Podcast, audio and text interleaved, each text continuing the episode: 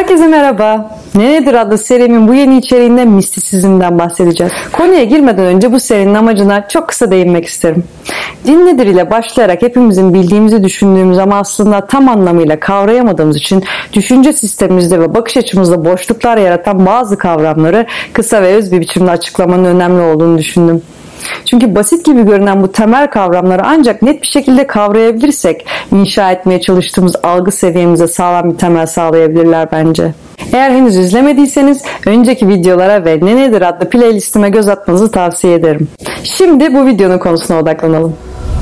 Mistisizm nedir? Geniş bir şekilde yorumlandığında mistisizm insanın şeylerin nihai gerçekliğine ulaşma ve en yüksek olanla doğrudan birliği deneyimleme girişimidir. Vahiy veya sıradan dini kanallar aracılığıyla değil, arınmış bir yaşamla bağlantılı olarak iç gözlem ve meditasyon yoluyla Tanrı ile bir ilişki olasılığını sürdürür ve bireyin ilahi doğadan pay aldığı bilinciyle doğruğa ulaşır. Mistisizm bazı otoriteler tarafından panteizm ile özdeşleştirilmiştir ve birçok panteist mistik olmuştur. Ancak mistisizm herhangi bir felsefi veya teolojik bakış açısına bağlı değildir.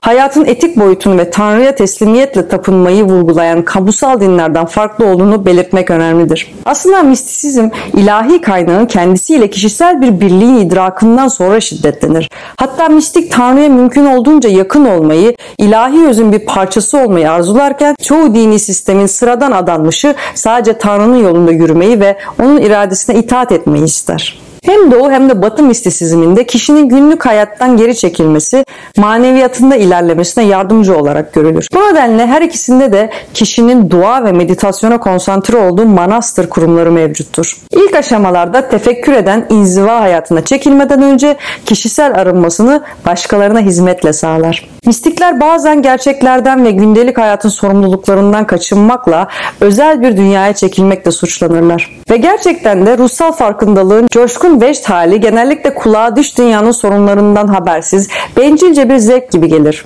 İdeal olan mistiğin ruhsal aydınlanmasından sonraki yaşamında görevlerini ve sosyal sorumluluklarını yerine getirmesidir. Ruhsal deneyim gündelik sıradan dünyanın ardındaki gerçekliğe daha derin bir anlam vermelidir. Bununla birlikte çoğu kişi için günlük hayattan çekilmek dönemi kendini dünyevi varoluşun korkuları, arzuları ve egoizminden kurtarmasına yardımcı olur.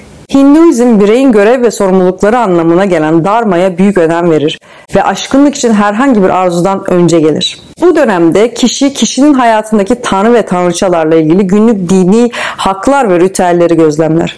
Ancak daha sonra kişi sorumluluklarını yerine getirdiğinde, evlendiğinde, bir aile sahibi olup onların geçimini sağladığında, maddi dünya ile ve fiziksel yaşamla bağlantılı her şeyin geçiciliğinin idrakı sürekli olarak artacak ve sonsuz olan bilgisine açlıkla sonuçlanacaktır. Hinduizmin mistik aydınlanma arayışından önce bir kişinin görev ve sorumluluklarına yaptığı vurgu ile manevi deneyimi günlük yaşamdan ayırmayan Musevilik ile ortak bir noktaya sahiptir. Musevilik manevi hayata yaklaşımında özünde pragmatiktir ve ruhsal tecrübenin günlük hayat ve dini ibadetlerle iç içe geçmesini gerektirir. Aslında 18'den 19. yüzyıla kadarki dönemde tipik Hasidik Yahudi mistiği cemaati içinde dua, çalışma ve meditasyonlar oluşan bir hayat yaşayan ve günlük sosyal yaşamı ve sorumlulukları paylaşan dindar bir hahamdı. Bu bakımdan öğrencilerin öğreti ve deneyim için grup halinde etrafında toplandığı ruhani doğulu öğretmenlere benziyorlardı. Umarım bu içeriğin bakış açınıza bir katkısı olmuştur. Kanalıma abone olursanız beni mutlu edersiniz. İzlediğiniz için teşekkürler.